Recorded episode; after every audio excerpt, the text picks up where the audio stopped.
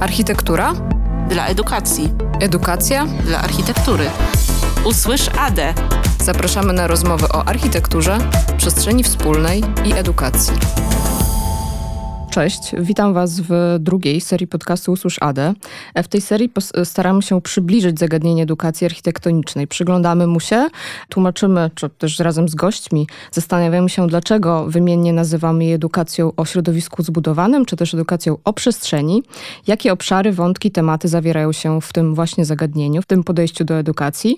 Dzisiaj naszym gościem jest Małgorzata Minwerk. Cześć. Cześć.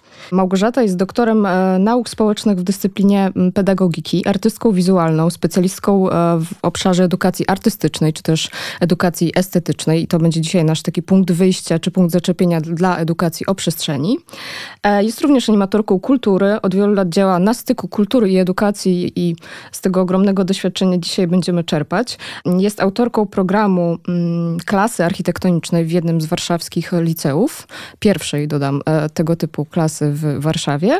Oraz autorką pracy doktorskiej pod tytułem Interdyscyplinarna edukacja przez sztukę, e, budowanie środowiska estetycznego wychowania. E, wrócimy, myślę, do tego, do autorskiej koncepcji w ogóle edukacji w kolejnej części. Natomiast chciałabym dzisiaj zacząć od e, generalnie od roli edukacji i od roli edukatora, czy też edukatorki w, w przekazywaniu wiedzy, czy też przekazywaniu kompetencji, umiejętności. W między innymi twojej pracy doktorskiej no, wychwyciłam, można powiedzieć, kilka takich elementów, które budują e, Twoją taką autorską metodę edukacji, e, czy, czy, są takim elementem, nośnikiem tej metody. I to jest między innymi figura nauczyciela artysty, ale też, co zwróciło moją taką, czy też właśnie figura e, nauczyciela, przewodnika, czy takie rozumienie edukacji, takie rozumienie nauczyciela i edukatora, właśnie, no nie jako przywódcy, ale bardziej jako e, też się pojawił facylitator, właśnie przewodnik, e, a to, co zwróciło moją szczególną uwagę, to nauczyciel jako architekt środowiska wychowania. I myślę, że, bo gdzieś to powiedzmy jakoś tam się łączy z, z, z tym, czym my się zajmujemy w, w instytucie, czyli edukacją architektoniczną i, i ja też no jeszcze już trochę mam wrażenie, przedłużam ten wstęp, ale mm, e, gdzieś mam wrażenie, że to są jakieś tam punkty wyjścia. Ja lubię wymiennie, e, czy wolę nawet używać e, sformułowania określenia edukacja o przestrzeni, niż ta architektoniczna jakby wydaje mi się, że ta architektura jednak może trochę jest zbyt wąska. No i właśnie tutaj już chciałabym oddać Tobie głos.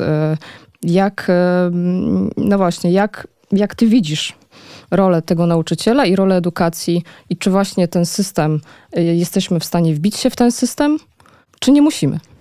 No, dosyć szerokie i trudne pytanie, tak. czyli tak z wysokiego C zaczynamy, ale rzeczywiście mam takie poczucie i pewnie wszyscy to widzimy, że edukacja jest w takim szczególnym momencie, takim punkcie zwrotnym, punkcie zmiany, punkcie przyglądania się temu, co się dzieje, że rzeczywiście ona nie wystarcza dzisiaj, że mhm. gdzieś mamy poczucie jakiegoś takiego buksowania w miejscu mhm. E, i ta dyskusja, która się toczy o tym, co ma zawierać podstawa programowa, e, wręcz dochodzi między nami do poważnych sprzeczek, a wydaje mi się, że to nie tu powinien mhm. E, tkwić problem, bo rzeczywiście dyskusja nie powinna być na temat o czym uczyć, ale jak Mhm. Bo w tej chwili tak naprawdę nie wiemy, o czym uczyć, bo to, co będzie za pięć lat, może być całkowicie nierealne z punktu widzenia dzisiejszego młodego człowieka.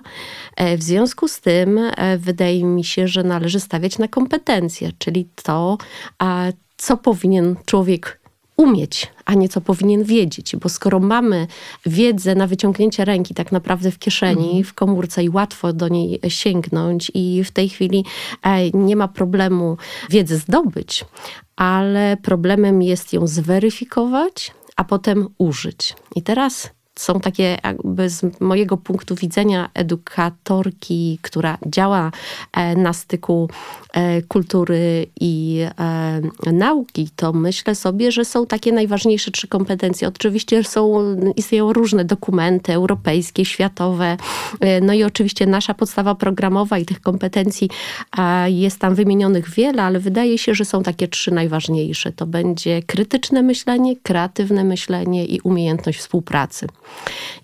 Teraz w momencie, kiedy na nie, na nich, na nie stawiamy, E, to oczywiście przy okazji uczymy różnych takich bazowych rzeczy, które są człowiekowi potrzebne, jak chociażby pisanie czy liczenie, ale tak naprawdę chodzi tutaj o taką, takie umiejętności, które będą e, pozwala, pozwalały człowiekowi zaistnieć, a w ogóle przetrwać być może w e, takich okolicznościach trudnych, czyli tak naprawdę mówimy o takich umiejętnościach przetrwania takich umiejętnościach, e, no właśnie też podważania e, zastanych sytuacji, no bo tak jak zaczynałam mówić, jesteśmy w punkcie zmiany. No więc wracając, powinniśmy się zastanowić, jak uczyć jakimi metodami dydaktycznymi, na czym stawiamy i, jak, i jaką rolę w tym momencie e, przypisuje się nauczycielowi.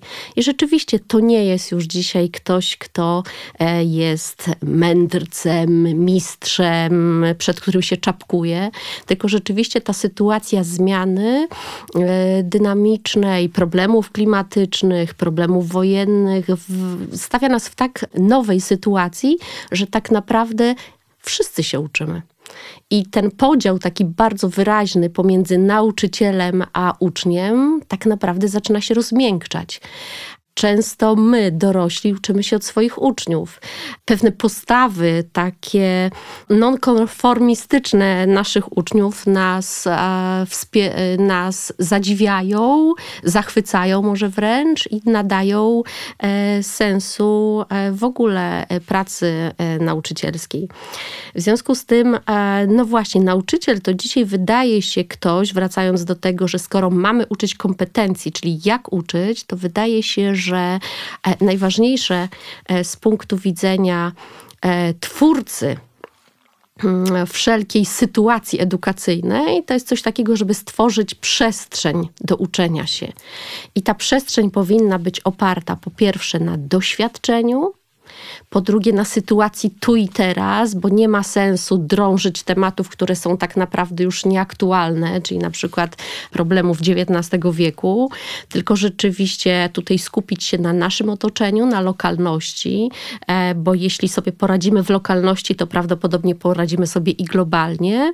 E, bardzo ważny jest też element interakcji, czyli żeby człowiek cały czas e, był nastawiony na to, żeby działać z innymi ludźmi, no i jeszcze jeden ważny dla mnie e, element to jest interdyscyplinarność, czyli dzisiaj nie trzymamy się ściśle, e, nie powinniśmy może tak, bo, bo niestety e, wróciliśmy w systemowej edukacji znowu do bardzo sztywnego podziału na przedmioty i nawet już zrezygnowaliśmy z bloków humanistycznych i bloków matematyczno-fizycznych, a to szkoda, bo tutaj chodzi o to spojrzenie właśnie na pewne problemy holistycznie, czyli że jak jest problem, to żeby móc spojrzeć na niego z wielu stron i okazuje się, i dzisiaj chociażby mm, e, George Church, e, słynny genetyk, właśnie mówi, że, przysz, że, że, w dzisiejszym świecie bardzo potrzebujemy łączników, ludzi, którzy łączą, czyli właśnie tej interdyscyplinarności, tak aby móc się porozumieć, ale też, żeby móc rozwiązywać problemy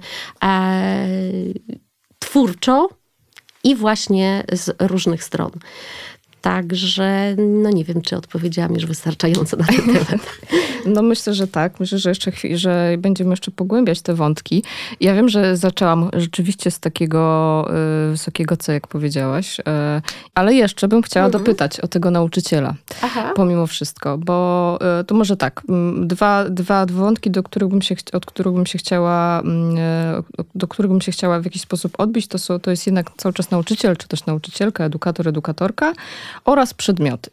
E, nauczyciel e, w tym, w, tym, w tym kontekście, że też e, myślę, że tutaj tak jak no, działamy właśnie, zarówno myślę, że ty i ja i, i to środowisko, które jakoś tam znamy na styku edukacji i kultury, mamy też świadomość takiej niskiej rangi cały czas zawodu edukatora i nauczyciela i, i, i, to, jest, i to jest dosyć istotny problem, wydaje mi się też społeczny, tak? I, i w jaki sposób w jaki sposób też te elementy, te elementy, których ty mówisz, mogą mm, no, poprawić te, te, mm, te sytuacje, no i też jakość w ogóle pracy nauczyciela, tak? Czy to jest coś, co może wzmocnić ta metoda, o której ty mówisz, czy tak jak mógłby ktoś powiedzieć, wręcz dołożyć pracy. I to w sumie też się, też się łączy z tym wątkiem przedmiotów, od którego chciałabym się odbić, no, ponieważ też często z drugiej strony też zarówno myślę, że masz dobrze przeanalizowaną, na pewno masz podstawę programową. My też staraliśmy się to w instytucie trochę analizować e, pod kątem właśnie zagadnień związanych z przestrzenią, z architekturą. I wiemy, że tych zagadnień jest tam bardzo dużo. I bardzo często otwiera się pytanie pod tytułem, czy jeżeli e, lobbujemy za edukacją, czy też powszechną edukacją architektoniczną, oznacza to wprowadzenie nowego przedmiotu. I wydaje się, że w większości głosów ekspertów e, jednak nie oznacza to wprowadzenia nowego przedmiotu, tylko poszukanie elementów, które już są w innych przedmiotach i bardziej skupienie się na metodach i na sposobach realizacji pewnych zagadnień, nazwijmy to. No i tutaj to pytanie właśnie, e, ponieważ jakby zajmujesz czy też wychodzisz z, z pola sztuki, z, nawet teraz powiedziałam dokładnie tak, jak się nazywa twoja działalność, czy też twoja firma, e, wychodzisz z pola sztuki e, i to jest też pytanie, czy, czy, czy w takim razie te metody, czy to, jak uczyć, ma być e, związane, mm, czy to dotyczy, nazwijmy to, przedmiotu sztuka, czy to ma być przez sztukę, poprzez sztukę, czy to, co proponujesz, jest jakimś generalnym, jest taką generalną metodą na, na edukację w ogóle. Od czego zacząć? Tak, to może zacznę od końca, czyli od tego najświeższego pytania. E, rzeczywiście e, tytuł książki Interdyscyplinarna Edukacja przez Sztukę i e, tytuł samego programu, który opracowałam, czyli to też jest edukacja przez sztukę, ale to pewnie dlatego, że ja wychodzę z tego środowiska mhm. artystycznego, jestem rzeźbiarką i e, gdzieś e, to uczenie przez sztukę towarzyszyło mi przez całe życie, potem z, i z powodów zawodowych, ale też osobistych, bo jestem mamą, więc ta sztuka i uczenie przez nią jest dla mnie czymś naturalnym. Ale rzeczywiście, gdy dzisiaj się nad tym zastanawiam i to, co e, jest kontentem tej książki, to chyba by bardziej adekwatne było nazwać to przez twórczość. Bo kiedy e, sztuka rzeczywiście wchodzi w różne dyscypliny i takie zjawisko dzisiaj mamy. Zresztą to Ludwiński przewidywał jeszcze w poprzednim wieku, w latach 70., że przyjdzie taki czas, kiedy sztuka rzeczywiście staje się, stanie się klejem wszystkiego. I to wydaje się, dzisiaj obserwujemy takie zjawisko, że ona wchodzi i w biznes, i w um, naukę, mamy science art, no długo by wymieniać, tak? E, chyba łatwiej by było e, poszukać tego, gdzie sztuki nie ma. Więc rzeczywiście ona jest, ale skoro ona tak mocno na przykład wchodzi w zagadnienia nauki, to przyglądając się na przykład działaniom na polu nauk ścisłych, to rzeczywiście chodzi tutaj bardziej o sam proces twórczego działania. I możemy oczywiście to nazwać sztuką, tylko żeby nie mylić tego ze sztuką e, artystyczną, li tylko, tak? Żeby to nie było tylko myślenie e, takie, że sztuka to jest obraz, rzeźba czy utwór muzyczny. E, chodzi tutaj o pewien sposób twórczego bycia ze światem, twórczego życia, bo to jest właśnie to życie, e, to nauczanie do kreatywności, a tak naprawdę do twórczości. Bo kreatywność to jest potencjał, który mamy na starcie i wszyscy się z nim rodzimy. Tylko pytanie jest, czemu potem najczęściej na, w procesie edukacji systemowej tracimy to i przestajemy tą kreatywność wynosić gdzieś w codziennych swoich działaniach. W związku z tym nie przechodzimy do działania, czyli nie przechodzimy do twórczości. Mhm. I to nie są w ogóle synonimy, warto też zaznaczyć, że kreatywność i twórczość to nie synonimy.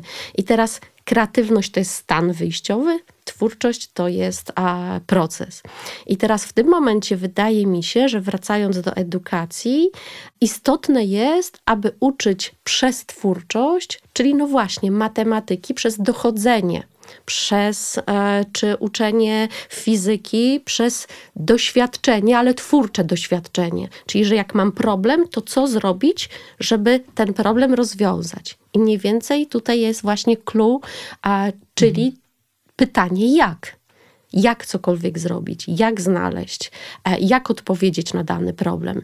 I to jest e, jedna rzecz. Druga rzecz, która wynika mi z tego pytania, to jest jeszcze jedno, e, bo zabrnęliśmy do takiej sytuacji, kiedy rzeczywiście jesteśmy w dwóch wymiarach. Bardzo dużo w książkach, bardzo dużo w, przed ekranami a mam takie poczucie, że właśnie twórczość i działanie w ogóle e, z, e, też z różnymi dyscyplinami sztuki powoduje, że możemy e, zwrócić się do trójwymiaru. Trójwymiar jest jednocześnie taką przestrzenią, takim warunkiem, w którym się wszyscy urodziliśmy. Wszyscy urodziliśmy się, by żyć w trójwymiarze, nie w dwóch wymiarach. I teraz to generuje pewne też i wyznaczniki, i kierunki działanie, działań edukacyjnych. Czyli, że właśnie, żeby działać w tym trójwymiarowym świecie, bo jednocześnie to też będzie nam wprowadzało taką wartość wielu możliwych rozwiązań, a nie tylko jednego, jak na teście. Mhm. E, według klucza potem ocenianego. I to jest bardzo ważne. I teraz wracając do tego pierwszego pytania, w związku z tym, kim jest nauczyciel i jak on działa, no to w moim, w moim przekonaniu jest to ktoś, kto jest twórczy. Wykorzystuje ten swój potencjał startowy czy kreatywność, modeluje taką postawę twórczego, pytającego, dociekliwego e, człowieka e, wśród swoich uczniów. I oczywiście można to robić na wiele, wiele sposobów. I tutaj będziemy mieli oczywiście i metody stare, podawcze, które odchodzą e, coraz bardziej, ale musi być jakiś moment przejściowy, bo wiadomo, że nie od razu wszystko się zrobi. Jednak rzeczywiście dzisiaj bardziej skuteczne są metody aktywizujące wszelakie. I tutaj jest cały wachlarz od y, oczywiście bardzo powszechnej metody projekt, znaczy bardzo polecanej metody, metody projektowej, nie powszechnej, bo, Nawet bo chciałoby się. Polecanej, dokładnie, dokładnie, no ale ona dużo bardziej była w poprzedniej e, e, podstawie, znaczy przed e, zmianami, ona była rzeczywiście już mocno wprowadzona w życie, nawet była obowiązkowa. Dzisiaj ona niby jest zalecana, ale tam nie ma takiego miejsca obowiązkowego. Więc mamy wrażenie pewnego regresu akurat w tym momencie. Ale jeśli chodzi o, o metody, to nawet ja nie będę ich tutaj wymieniać, bo, bo nie jesteśmy na jakimś warsztacie. Bardziej byłoby e, tutaj, e, chcę postawić taki na, akcent na to, e, w jaki sposób nauczyciel je sobie komponuje i wykorzystuje. Czyli, że jeśli jest nauczycielem twórczym, to on sam będzie komponował sobie te wydarzenia edukacyjne, edukacyjne, te sytuacje edukacyjne. Czyli tak naprawdę, moim zdaniem, odchodzimy już od takiej sytuacji scenariusza rutynowego, który będziemy odtwarzać przez wszystkie lata z każdą klasą tak samo, bo każda klasa jest inna nawet na tym samym poziomie wiekowym, będzie miała inny zestaw uczniów tam będą postaci, które będą miały inne zasoby, które warto wyjąć i wykorzystać w danym działaniu. E, to samo każdy rok przynosi inne wydarzenia, w związku z tym warto na nie reagować i uczyć e, na tym, co interesuje młodego człowieka, czyli żeby to, co jest podejmowane w temacie, było rzeczywiście związane z ich życiem, a nie oderwane w ogóle od tego, bo, bo w, tej, w tej sytuacji nie jesteśmy w stanie też ich rzeczywiście emocjonalnie zainteresować, jeśli to jest coś, co ich nie interesuje.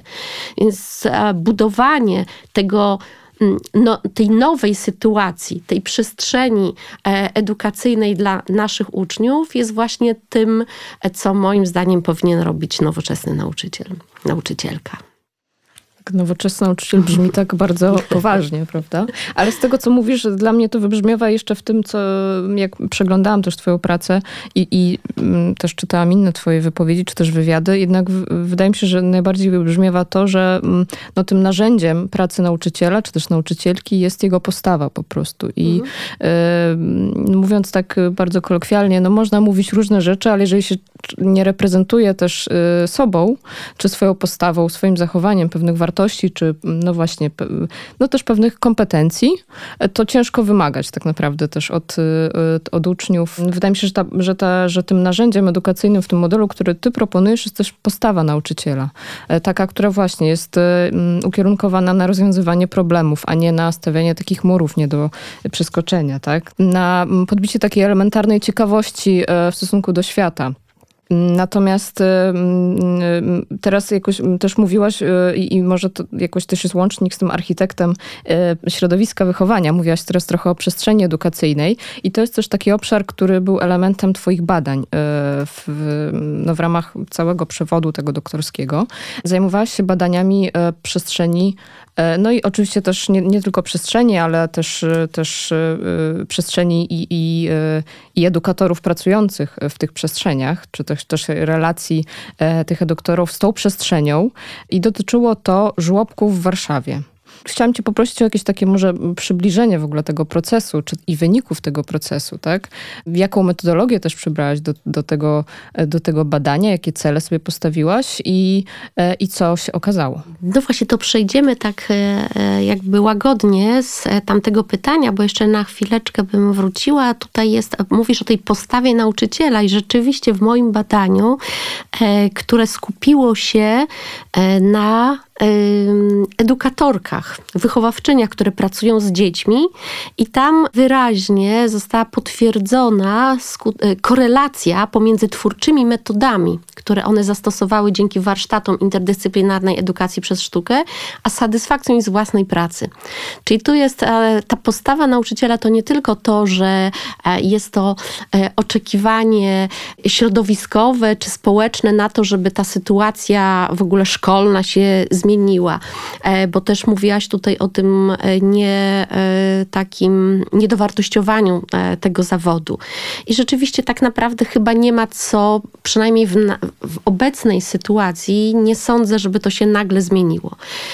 Sytuację społeczno-polityczną mamy, jaką mamy, w związku z tym jedyne, co możemy, wydaje mi się, zrobić, to rzeczywiście, jak to mówią, psy szczekają, a karawana idzie dalej, czyli po prostu skupić się na tym, co robimy, a naprawdę naprawdę w tym środowisku e, jest wiele, wiele wspaniałych osób. I to niezależnie od tego, czy one pracują z bardzo małymi dziećmi, czy na poziomie już e, studenckim, e, uniwersyteckim, bo to rzeczywiście bardzo dużo ludzi jest tam z pasją, a szczególnie pewnie wiemy, że ci, co tam zostali w tej chwili, bo, bo wiele osób odeszło z wiadomych przyczyn, no to, to rzeczywiście musi ich coś tam trzymać.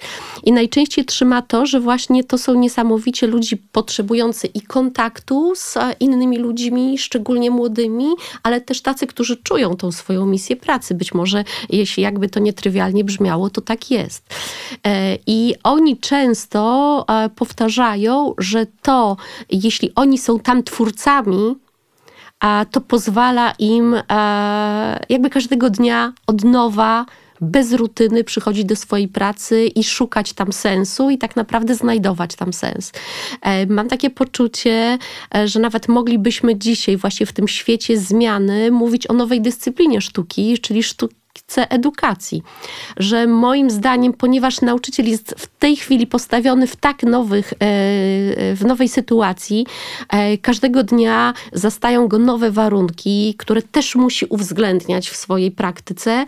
W związku z tym to jest nic innego jak po prostu proces twórczy, którym on jest poddawany. E, bardziej lub mniej może nie tyle świadomie, co, e, co z własnej woli, tak, do niego podchodzi, ale po prostu musi sobie poradzić. Proszę sobie przypomnieć sytuację pandemiczną, kiedy to nauczyciele tak naprawdę z dnia na dzień, 12 marca, musieli przejść na całkiem inny sposób pracy i oni musieli sobie z tym poradzić. Się. Dokładnie. I to jest dokładnie ta, ta umiejętność, e, o której mówi, ta kompetencja, o której mówimy. Kompetencja adaptacji, która wynika z kreatywnego i krytycznego mhm. myślenia.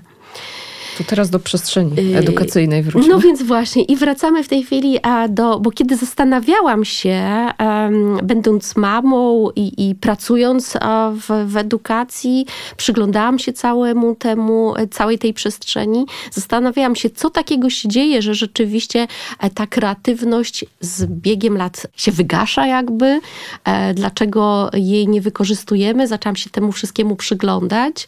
E, no i sytuacja, kiedy na przykład jestem w Zachęcie i prowadzę zajęcia z ówczesnymi gimnazjalistami i pytam, kto tu wcześniej był, okazuje się, że rękę podnosi tylko wychowawca. No i ciężko uważać w takiej sytuacji, że jest to naturalne środowisko, że kultura i sztuka jest naturalnym środowiskiem naszego społeczeństwa. A co takiego się dzieje, że skoro mamy badania, że jest to efektywne, że jest to potrzebne, mamy metodę STEAM, całą ideę STEAM, e, mamy zalecenia Unii Europejskiej, aby tak działać, wszelkie niesamowite dzieła Amery amerykańskie i nie tylko, które mówią, jak ważna jest właśnie ta twórczość i sztuka w edukacji, no to co takiego się dzieje, że tego nie implementujemy? E, no i rzeczywiście zaczęłam się zastanawiać też, kiedy jest czas na to, żeby tą sztukę wprowadzać. No i okazało się, że nie ma tego punktu za wcześnie, bo po prostu najlepiej, kiedy robimy to od samego początku. Kiedy to dziecko, które jest tak naprawdę e, najpierw, zanim zacznie w ogóle mówić, wychwytuje rytm świata, wyczuwa przestrzeń świata, odbiera kolory, specjalny ruch. Mało tego, on komunikuje się specjalnymi dźwiękami, które artykułuje, i te dźwięki, jak muzyka, oznaczają coś dla niego. Czyli tak naprawdę to są pierwsze gesty twórcze, pierwsze gesty sztuki. I skoro to jest pierwotne, aniżeli potem znaki i gesty kultury, to czemu tego nie wykorzystać?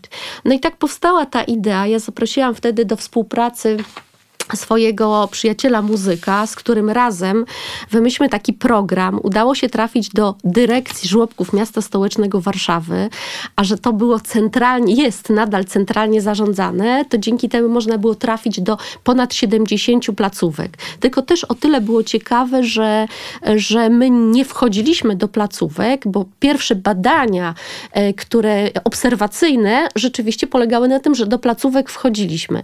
Natomiast same warsztaty, które były tak zwanym czynnikiem zmian, były prowadzone w Sulejówku w jednym miejscu, gdzie panie z, z placówek, na przykład jedna, dwie z jednej placówki przyjeżdżały na pół dnia do nas i tam w takich bardzo komfortowych warunkach z kawą, ciastkami mogły ze sobą rozmawiać, wymieniać doświadczenia, ale też właśnie nasycić się tą me metodologią pracy na znaku graficznym, na prostym dźwięku, na prostym geście i na działaniach, które są w zasięgu ich możliwości. Czyli nie są to rzeczy, które a, nie wiadomo jak wymagające, ale właśnie bycie w uważności i w takiej empatii dla środowiska, otoczenia, no i oczywiście ludzi, którzy są wokół nas. I to jest bardzo proste działanie, ale działanie, które potrzebuje uważności, które też potrzebuje pewnego wyjścia ze swojej strefy komfortu i zrzucenia takiego kontrolera, który mówi: Nie, twoje pomysły nie są fajne,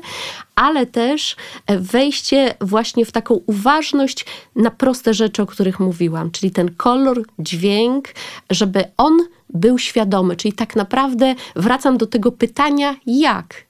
Mnie w tym wszystkim, co robię, zależy na jakości. Czyli jeśli jest świadomość i najprostsze, jeśli nawet są to bardzo proste rzeczy, ale używane świadomie, a te, które mogą być e, destrukcyjne dla małego dziecka, jeśli świadomie je zniwelujemy, wówczas tworzymy tą bezpieczną i e, edukującą przestrzeń do wzrastania. Bo tutaj też warto, dla, e, dla mnie są też um, ważne za, zauważenie tej różnicy pomiędzy wychowaniu a edukacją. Nie? Że wychowanie to w samym swoim jej nazwie ma coś takiego, że wychowuje ktoś kogoś. I ter... Dokładnie. I mamy od razu tą zależność. Poza tym no, mamy te, też taką sytuację, że tutaj zakłada się pewne działania nie? Natomiast edukacja, moim zdaniem, to jest na tyle szerokie pojęcie, że ona bardziej nawet e, bym przekładała akcent na e, uczę się. Na czyli, proces generalnie, tak? Tak, ale też uczę się, czyli że nie muszę nawet mieć czasem mistrza. Nie muszę mieć kogoś, kto jest ze mną. Ja mogę po prostu też e, brać z tego świata, który jest, wszystko to, co może mnie uczyć. I teraz e, ta edukacja też dla mnie to jest słowo in plus, czyli zawsze zakłada, edukuje się, czyli zawsze wzrastam, nie? Bo, bo, bo czasami mówi się też, że, że mogą być determinanty, które gdzieś negatywnie zadziałają. Ale w tej sytuacji wydaje się, że edukacja jest zawsze czasem wolniejszym, ale zawsze wchodzeniem, wchodzeniem w górę. Tak, ja mam, mam poczucie, że nam się te wątki tak strasznie przeplatają i ja też mam ochotę się odbić do co mhm. najmniej kilku myśli. Więc e, i to też myślę, że to, o czym teraz mówiłaś i to, co widać właśnie w twojej, e, w twojej pracy, zarówno tej e, pracy dydaktycznej, jak i pracy właśnie doktorskiej, to jest zwrócenie uwagi na to, że edukacja właściwie e, no, nas otacza, znaczy jest e, i ona się dzieje głównie poza szkołą. Czy może, czy głównie, czy nie głównie, to można by pewnie dyskutować, ale e, dostępność do edukacji nie jest związana tylko i wyłącznie ze szkołą i w związku z tym jakby to, co też powiedziałaś, o czym mówimy, że są pewne mankamenty tego systemu, czy są, czy są pewne rzeczy, których się szybko nie przeskoczy, a pomimo to warto jakby mm, nie, y, że tak powiem, nie rozbijać tego systemu, tylko wyjść z ofertą, która pomaga w jakiś sposób się zaadaptować też po prostu do tego systemu, jakby będąc w pełni świadomym, że szkoła nie jest jedynym miejscem, gdzie i podstawa programowa nie jest jedynym punktem odniesienia dla chociażby nawet wiedzy, e, czy kompetencji, które są, e, czy ilości informacji, które przetwarzamy jako dorośli, tak samo e, jako dzieci. Mam też taki cytat ze wstępu do Twojej e, publikacji Interdyscyplinarna edukacja przez sztukę. E, I to jest jednocześnie e, tytuł właśnie Twojej metody w skrócie IEPS, tak? Interdyscyplinarna Edukacja przez Sztukę. Jest to publikacja wydana, jest to praca doktorska i publikacja wydana um, przez Akademię Pedagogiki Specjalnej, dobrze mówię, imienia Marii Grzegorzewskiej, którą Państwu oczywiście polecam. Ona jest dostępna między innymi na stronie wydawnictwa. I tak, i taki krótki cytat, którym się chciała podzielić, oczywiście to jest tylko jakieś uzupełnienie i może będzie dla nas y, punkt wyjścia, żeby pójść dalej czy głębiej. Celem było znalezienie rozwiązania, które poprawi jakość środowiska estetycznego wychowania. W tworzeniu optymalnych warunków wychowawczych ma znaczenie estetyka środowiska, w jakim przebiegają procesy edukacyjne. Proponowane rozwiązania dydaktyczne zapobiega czynnikom, które hamują rozwój zachowań twórczych i przywraca harmonię pomiędzy płaskim ekranem współczesnych urządzeń medialnych a trójwymiarowym światem natury. I ten cytat dla mnie bardzo też tak fajnie łączy y, te perspektywę 2D i 3D, bo jednak e, wychodzisz z pola sztuki, dużo też mówisz o kulturze wizualnej, a jednocześnie e, bardzo, bardzo zwracasz uwagę, e, znaczy istotny w, w twojej metodzie i właśnie w twojej pracy jest ten element uprzestrzennienia, tak? Czyli nie, za, nie zatrzymania się jednak tak naprawdę na, tym, na, tym, na tym obrazie. I chyba to, co chciałam dopytać jeszcze w kontekście badania z edukatorkami, to jest właśnie sama ingerencja już w przestrzeń, czy te środowisko wychowania, można też inaczej e, powiedzieć. Czy ta metoda i praca zakładała taką zachętę do zmiany w przestrzeni, czy właśnie samo to, e, czy metodą było wypracowanie pewnej uważności, która dalej miała się przełożyć na, na samodzielne tak naprawdę decyzje związane z, z otoczeniem? Dokładnie tak. Czyli e, praca polegała na tym, żeby pielęgnować te postawy twórcze, tą wrodzoną kreatywność samych opiekunek, czyli tych, które pracują z dziećmi. Badania e, ze względu na wiek dziec, dzieci, nie można było badań prowadzić na dzieciach i na przykład jak ja i sprawdzać, jak, jak metoda działa. Więc pod obserwację wzięliśmy tak naprawdę jak wyglądało środowisko estetycznego wychowania, czyli jak wyglądają te placówki, wyglądały przed naszym mhm. wejściem z warsztatami, a jak po warsztatach, po jakimś już upływie czasu. No i okazało się, że one się zmieniły. Tam pod lupę wzięłam takie trzy e, najważniejsze, nie, przepraszam, nie trzy, tam było sześć najważniejszych obszarów. A to przede wszystkim były Estetyka sal, czyli w momencie jak wchodzimy, jak e, wyglądały placówki, tak, w tak na, można powiedzieć brzydko na pierwszy rzut oka. Potem funkcjonalność przestrzeni, która wynikała z ich założeń architektonicznych, a trzeba wiedzieć, że a dopiero teraz mamy taki duży boom i rzeczywiście w, ostatnim, w ostatnich latach przybyło um, kilkanaście nowych placówek, które już są bardzo fajnie zaprojektowane, zresztą e, chociażby znane nam pewnie wszystkim XY e, studio, które w Wesołej właśnie zbudowało i dostało nagrodę prezydenta Warszawy architektoniczną za e, jedną z takich placówek. Które no. też gościło w naszym podcaście. Dorota tak. była naszą gościnią. No więc właśnie, czyli, a, ale też mamy takie placówki, które były zaadoptowane. To są stare kamienice, zresztą mamy też e, takie placówki, które sięgają jeszcze samych początków w ogóle idei e, takich instytucji opiekuńczych w Warszawie, czyli to jeszcze będzie okres dwudziestolecia międzywojennego. No i Kolejnym determina- kolejną zmienną to były prace dzieci. Jak one wyglądały, a jak wyglądają teraz? Czy są wszystkie identyczne, czy są robione według szablonu e, i tak dalej. No i panie często e, dbając o to, o, o, to środowisko, dokonują tak zwanych dekoracji. No i właśnie jakie one są, jaka jest świadomość, bo tutaj dokładnie, ja nawet dla, e, ukuła mi się takie powiedzenie e, po tych badaniach, że to forma e, jest świadectwem świadomości. I teraz Dokładnie mhm. tutaj o tą dekorację można byłoby głębiej ją analizować, ale może to na razie zostawię. I teraz relacje interpersonalne pomiędzy nimi, bo okazało się, że to, w jaki sposób one ze sobą pracują i właśnie czy umieją współpracować e, i jak one to robią, ma bardzo duże znaczenie. Rodzaj zabawek. Bardzo się cieszę, że na przykład te właśnie takie plastikowe, kolorowe, jakieś robiące potworne hałasy, zabawki zniknęły. Ale mamy też relacje z dziećmi, czyli jak traktuje e, swój tak naprawdę e, podmiot mojej pracy, prawda?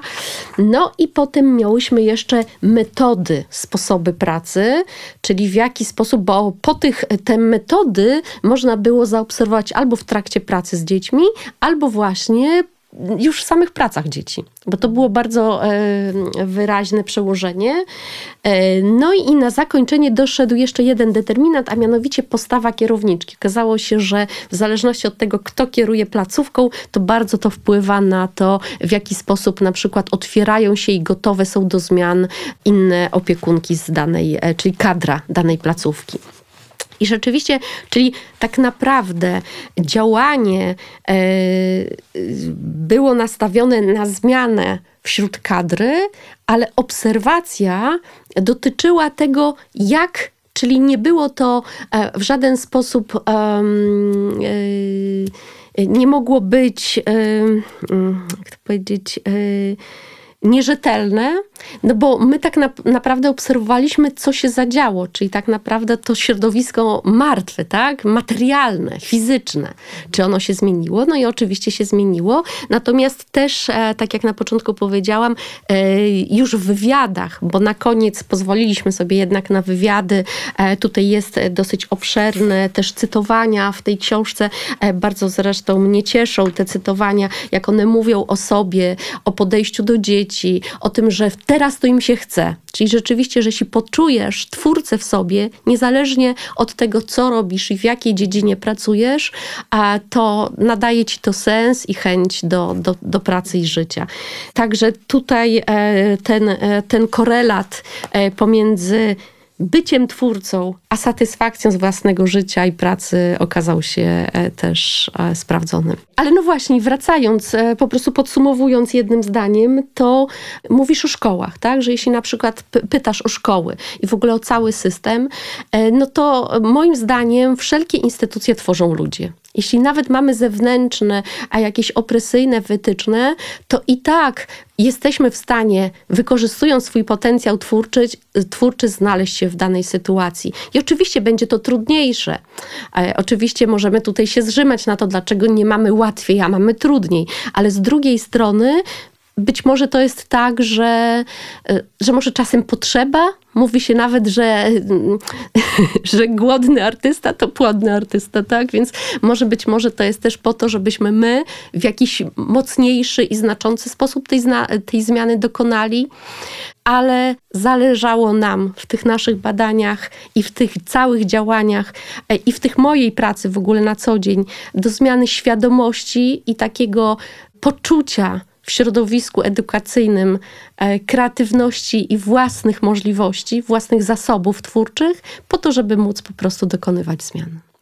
No ja właśnie mam takie poczucie, że, y, że jest to jakieś tak, takie, y, takie światełko nadziei, można powiedzieć, bo wydaje mi się, że, że nie można no, zaprzeczać jakby obiektywnym trudnościom, tak? Czy, czy właśnie statusowi po prostu tego zawodu, czy no, też nieadekwatnym wynagrodzeniom. Jakby to są takie no niezaprzeczalne y, fakty, można powiedzieć, tak? Ale z drugiej strony y, ta metoda, której, którą proponujesz i, i to, co, to, to, co jakby wykładasz na stół, też można powiedzieć, tak? Czy, czy starasz się dać światu poprzez ze własnego doświadczenia, jednak nie skupia się na krytyce, tylko mimo wszystko na znalezieniu y, Mm, tak, czy na po, postawieniu, gdzieś położeniu takiego, takiego y, właśnie takiej nadziei i jak można w tym, jest jakoś tak już bardzo, bardzo, bardzo literacko, ale jak w tym roku można gdzieś zacząć, y, zacząć budować od y, od naprawdę takich małych kroków do, większych, tak? Jakby tak też to odbieram,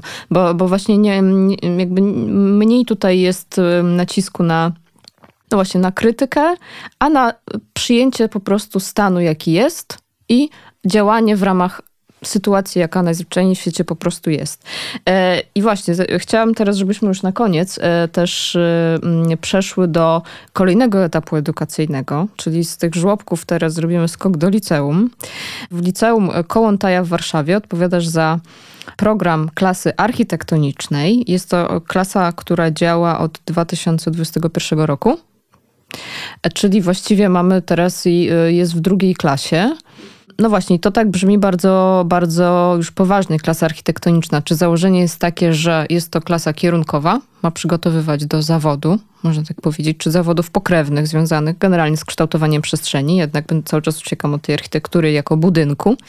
E, czy generalnie jest to klasa, która ma rozwijać kompetencje, o których tutaj gdzieś e, zaczęłyśmy mówić? Jakby myślenie o architekturze dzisiaj, w tym świecie, jaki mamy, e, no to jak wiemy, to jest bardzo ważny czynnik i ważny kierunek w ogóle myślenia, tak? To środowisko zbudowane, to życie, jakie sobie e, teraz fundujemy, to życie, jakie będziemy kształtować, żeby ono pozwoliło nam wyjść z kryzysu. No i tutaj to myślenie architektoniczne ma bardzo duże znaczenie, więc e, gdzieś widzimy, jak bardzo schodzą się te drogi myślenia kreatywnego, myślenia krytycznego, myślenia przestrzennego, myślenia mhm. twórczego artystycznego, architektonicznego. Tu mamy jakby jeden, du jeden duży zbiór, e, taki konglomerat myśli, które nam pozwolą właśnie posklejać. To, co mówi Kate Blanchett w e, filmie Manifesto. Weź co chcesz, bylebyś wiedział po co. I teraz z tych całych obszarów my możemy brać i właśnie mądrze to skleić, żeby znaleźć to rozwiązanie, na które, na które ludzkość czeka. No i powstała rzeczywiście e, tutaj e, dzięki mm, staraniom e, pani dyrektor 21 Liceum imienia Kołątaja na warszawskiej Ochocie oraz samorządowcom z Ochoty powstała klasa pierwsza w zeszłym roku pod nazwą architektoniczna. Ja mam takie poczucie, że to jest troszeczkę hasłowo, tak? I, i tak to traktuję, bo rzeczywiście przy tym myśleniu takim holistycznym, to, to ta architektura tutaj może, e, może jest takim znamiennym, może nawet fundamentalnym e, założeniem, ale z mojego punktu widzenia i już doświadczenia jako pedagoga, to jest za wcześnie, żeby kierunkować e, młodzież e, e, już tak ściśle.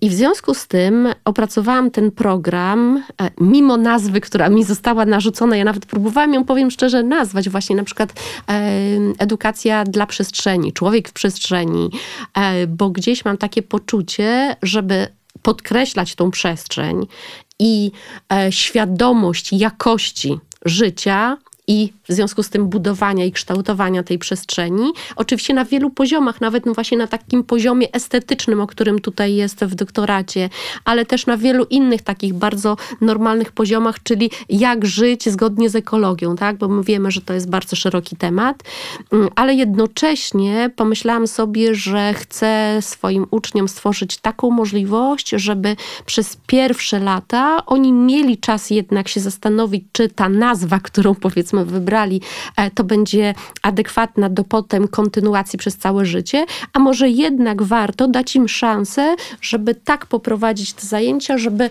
ona przygotowywała ich do, za, do zadań w przyszłych tak zwanych zawodach kreatywnych. I te zawody kreatywne, no bo właśnie a mówimy o kompetencji kreatywności, ale też na przykład wiemy, że dzisiaj e, jest to taki trend, że wszyscy praco, pracodawcy szukają ludzi kreatywnych. A skąd ich wziąć, kiedy oni są tak naprawdę przygotowywani pod klucz do matury?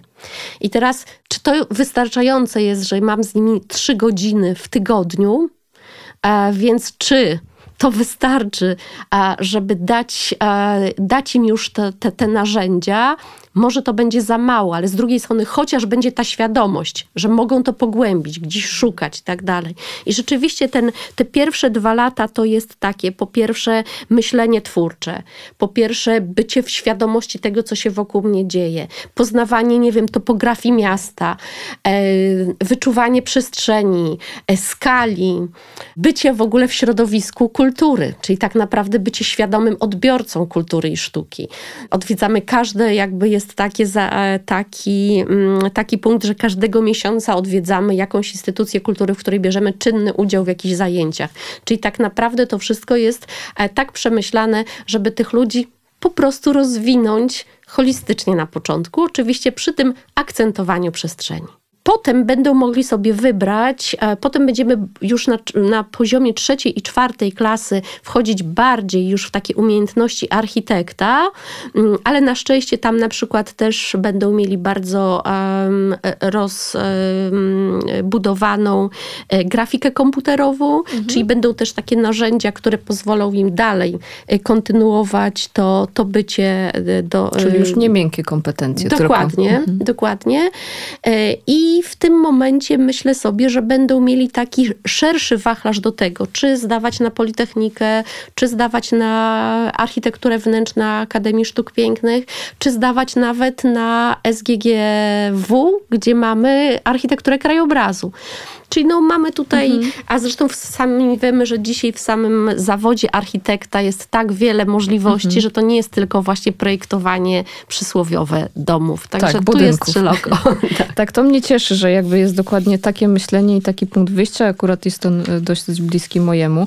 E, powiem szczerze, niestety nasz czas się skończył na nagranie, a mam poczucie, że tych wątków e, mogłybyśmy dalej jeszcze rozwijać i, i też myślę, że będziemy się przyglądać właśnie jestem bardzo ciekawa, jak będzie się rozwijała ta klasa architektoniczna, jak przede wszystkim ci uczniowie będą, e, ten, przejdą przez ten proces, tak? Jakby, czyli dowiemy się za 4 lata, będzie można się temu przyjrzeć tak naprawdę, mhm. w jaki sposób, nie wiem, czy jakoś badaliście to, jaki jest ich punkt wyjścia, czy, jak, czy traktujesz też ich jako jakiś pewien taki obiekt badań, czy nie, ale po prostu pewnie obserwujesz, tak? Więc jakiś tam, jakaś taka informacja zwrotna odnośnie tego, jak przeszli przez ten proces, co się w nich zmieniło, pewnie będzie.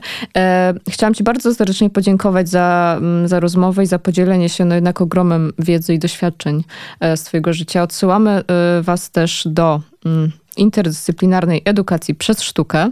E, warto się zapoznać z tą publikacją, e, po prostu, żeby też otworzyć, myślę, horyzonty, e, czy otworzyć się na nowe, uwrażliwić, czy, czy spojrzeć inaczej po prostu na, mm, na metody edukacyjne. Bardzo dziękuję za rozmowę. Ja również serdecznie dziękuję za zaproszenie, było mi niezwykle miło. Bardzo się cieszę, a rozmawiała Marta Baranowska, Dział Edukacji, Narodowy Instytut Architektury i Urbanistyki. Dzięki. Architektura?